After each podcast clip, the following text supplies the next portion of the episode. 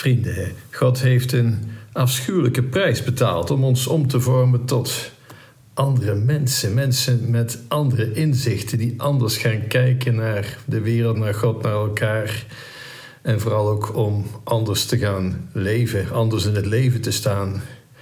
De kruisdood, dat is die prijs die Jezus heeft betaald om ons te maken tot kinderen van God. Als je zo eens naar de geschiedenis van de mensheid kijkt, zie je dat het wel vaker ongelooflijk veel kost om mensen tot andere inzichten te brengen. Wat heeft het het Joodse volk niet gekost? Wat hebben zij niet moeten doorstaan tot en met de Holocaust toe om haat en vooroordeel te overwinnen? Hetzelfde geldt voor onze zwarte medemensen. Die hebben een schrikwekkende prijs betaald voor het zover was dat blanken hen zagen als broeders en zusters in plaats van slaven en inferieuren. De Tweede Wereld was een andere prijs die betaald werd om onze vrijheid te heroveren. En daar is het niet bij gebleven. Wij, genieten graag het goede leven met alles wat daar aan luxe en welvaart bij hoort. Maar ook dat kost wat. Want zoals u weet krijgen we in het leven niks van niks, behalve dan de zon en waarachtige liefde, zoals dat heet. Ja, ook voor ons welvaartsleventje wordt een prijs betaald. En onze tijd, het moet allemaal fantastisch en volmaakt zijn. Mode, plastische chirurgie, dat viert allemaal hoogtijdagen. En onze sporttempels willen er allemaal geweldig uitzien. Althans, uiterlijk willen we er allemaal fantastisch uitzien. En daar doen we van alles voor. En hoeveel van die fantastische mensen kom je op straat tegen? Nou, ik niet zoveel, moet ik eerlijk zeggen. Ook van onze scholen eisen we dat ze volmaakt zijn, precies op maat gesneden voor onze zoon of dochter. En vooral dat het allemaal aardig, leuk en gezellig is. En daar is niks op tegen, maar de school is toch ergens anders voor bedoeld in de eerste plaats. Maar goed, waar wil ik naartoe? Hoe zit het met onze morele volmaaktheid? Nee, dat is geen vraag voor de borreltafel, maar een reële vraag. Want we willen toch ook dat het bij ons allemaal veiliger wordt en, en, dat je met een gerust gemoed over straat kunt, wat voor een uur van de dag het ook is. En als we het echt willen, dan zouden we ook wat dat betreft tot andere inzichten moeten komen om dat echt te kunnen bereiken.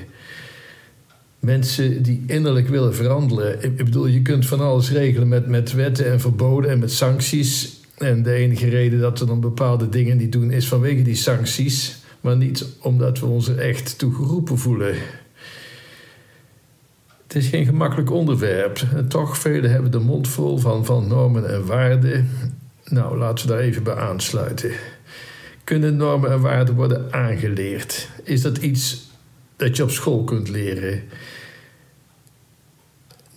Nou ja, je kunt er boekjes over schrijven, maar of mensen daardoor werkelijk veranderen, dat is een andere zaak. Kun je het over normen en waarden hebben als je niet over geloof mag hebben? En wie kun je dan als voorbeeld opvoeren? Vaak komen eerlijk gezegd niet veel verder dan wat vrijblijvend gebabbel in de zin van alles is goed zolang je daar een ander maar niet meer lastig valt. Maar, maar dat is niet iets waar je echt mee verder kunt. De, de mentaliteit van als je er prettig bij voelt en een ander heeft er geen last van, dat is niet echt een christelijk voorbeeld van moraliteit. Is niet echt een uitgangspunt van normen en waarden. Overigens, religie is er niets om van mensen aardige mensen te maken. Ik vind het fijn dat mensen aardige mensen zijn.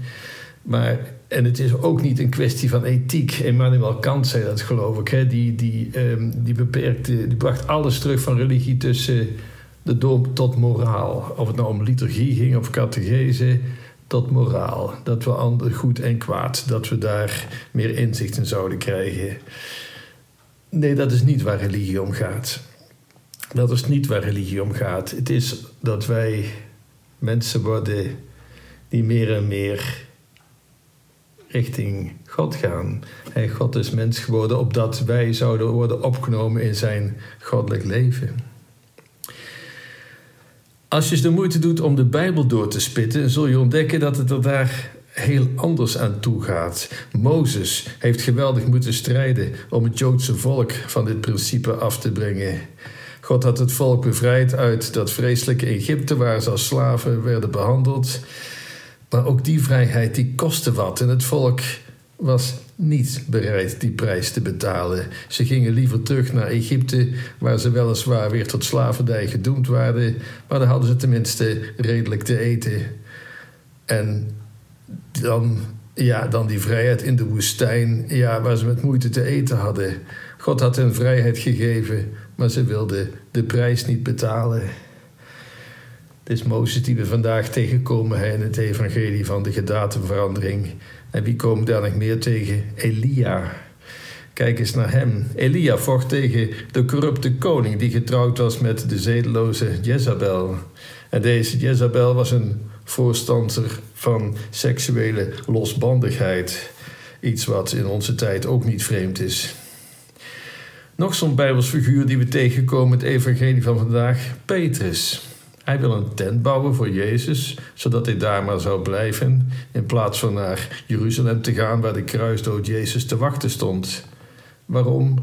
Omdat Petrus niet, was, niet bereid was die prijs te betalen. Zelfopoffering en discipline, ja, dat zijn de prijzen die je moet betalen voor persoonlijke groei en morele groei in het leven. De echte grote der aarde zullen het allemaal kunnen vertellen. Of het nu gaat om grootheden onder de muzici als Bach of morele leiders zoals, nou, noem maar Mandela. Wie mooi wil zijn moet lijden, zegt het gezegde. Inderdaad, vrij slank willen zijn, ja, die moet je, dan moet je je toch echt bepaalde dingen ontzeggen of flink gaan trainen. Er worden niet van niks vermogens besteed aan diëten en fitnessapparaten om er maar zo vermaakt mogelijk uit te zien. Voor morele groei naar volmaaktheid geldt hetzelfde, beste mensen. Normen en waarden kun je niet uit een boekje leren. Nee, die kosten wat. Nee, niet die boekjes, maar het kost heel wat inspanning. Willen we een betere wereld? Ja, dat kost wat. Je kunt niet volstaan met maar wat te roepen wat anderen eigenlijk zouden moeten doen, zodat de wereld er wat veiliger op wordt en meer geborgenheid verschaft. En toch doen we dat met z'n allen of dat niet zo is. Alsof het vanzelf wel komt als anderen maar snappen wat wel en niet mag. Als anderen maar integreren. Als anderen maar, noem maar op. Volg een debat in de Tweede Kamer en het gaat altijd zo. Als het ons maar niks kost. Maar zo werkt het niet. Het vraagt betrokkenheid. Het vraagt consequent gedrag. Ook, of beter gezegd vooral, als anderen het moeilijk maakt. Het evangelie van deze dag, de gedaanteverandering, die zou niet zeggend zijn als Jezus geen lijden zou hebben te ondergaan. Heel het leven van Jezus zou zonder betekenis zijn als zijn lijden zinloos zou zijn geweest. Van alle stichters van de grote religies is Jezus de enige die het lijden heeft gekend. Pijn, intense pijn, ja zelfs de dood, zodat degene die zijn voorbeeld zouden navolgen, voorbeelden zouden zijn van morele hoogstand. Het is Jezus lijden dat tot nieuw leven leidt, beter leven, waarachtig leven, tot een betere wereld. En dat is de kern en het lef van ons geloof, dat zoveel verder gaat. Als je er maar goed bij voelt, dan is het goed. Als moeder Teresa zo had gedacht, dan had ze geen vinger uitgestoken naar die miserie in India. Als Mandela, om die nog maar eens te noemen, zo had gedacht, was apartheid nooit verdwenen. Als een heilige als Sint Maarten zo had gedacht, had hij die bedelaar laten barsten. Christenen doen wat ze doen niet omdat het leuk is of prettig voelt, maar omdat het goed is. Ook al kost dat een forse prijs. Wil je meehelpen aan een betere wereld? Er is geen andere weg. Wil je echt gelukkig worden, echt gelukkig? Dan is er geen andere weg, de weg van Christus. En de ene vraag is deze: ben je bereid de prijs te betalen? Zo ja, kijk dan naar het evangelie van vandaag, wat er voor je is weggelegd. En zo nee, hou dan op met zeuren dat de wereld zo slecht is.